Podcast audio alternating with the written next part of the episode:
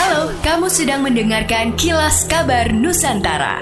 Podcast persembahan KG Radio Network menyajikan berita harian yang mengangkat keunikan dari berbagai wilayah Indonesia. Kilas Kabar Nusantara dapat juga didukung oleh pengiklan loh. Rasain nih panasnya rokok gue. Mm. Ah, pembajakan! Pembajakan! Mm, lepas! Lepas!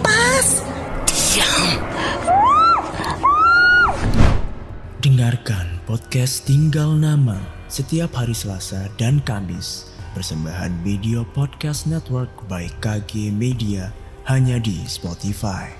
Saat semuanya sudah terlambat. Dinas Kesehatan Provinsi Sumatera Selatan menyiapkan 350 ribu vial stok vaksin yang bakal ditempatkan di seluruh sentra vaksinasi yang berada pada posko pelayanan kesehatan selama musim mudik tahun 2022 ini. Posko pelayanan kesehatan melalui kerjasama dengan TNI Polri dan pihak-pihak terkait tersebut berada di terminal, pelabuhan, hingga bandara.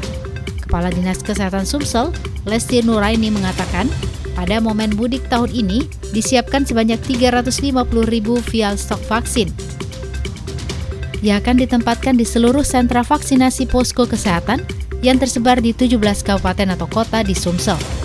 Lesti pun menghimbau kepada seluruh masyarakat yang berencana mudik agar disuntik vaksin terlebih dahulu sebelum mudik, khususnya vaksinasi booster.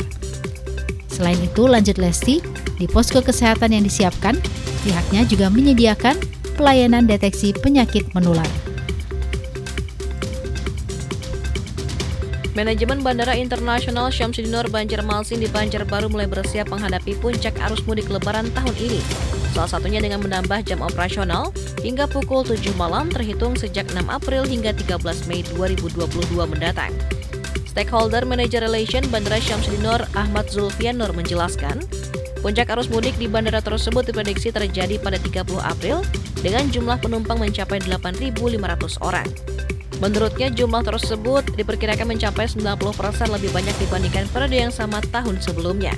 Ia melanjutkan saat ini jumlah penumpang di bandara terbesar di Kalimantan Selatan itu mulai meningkat cukup signifikan, di mana dalam seharinya terdapat 2.500 penumpang lebih yang berangkat.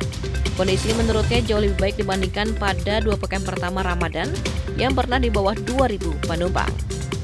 Pemerintah Kota Makassar menggandeng Entomo Group, investor asal Korea Selatan dalam penggunaan teknologi Black Soldier Fly atau BSF atau lalat hitam dalam mengelola sampah di TPA Antang. Wali Kota Makassar Dani Pomanto mengatakan perusahaan tersebut berpengalaman dalam mengolah sampah organik. Kerjasama ini juga selaras dengan arahan Komisi Pemberantasan Korupsi KPK saat pertemuan membahas pengelolaan sampah belum lama ini di Jakarta. Dia menjelaskan penggunaan lalat hitam sangat baik untuk lingkungan karena sampah tidak perlu perlu dibakar, melainkan hanya perlu diberi wadah. Sampah tersebut dapat menjadi produk baru berupa pupuk ataupun pakan ternak.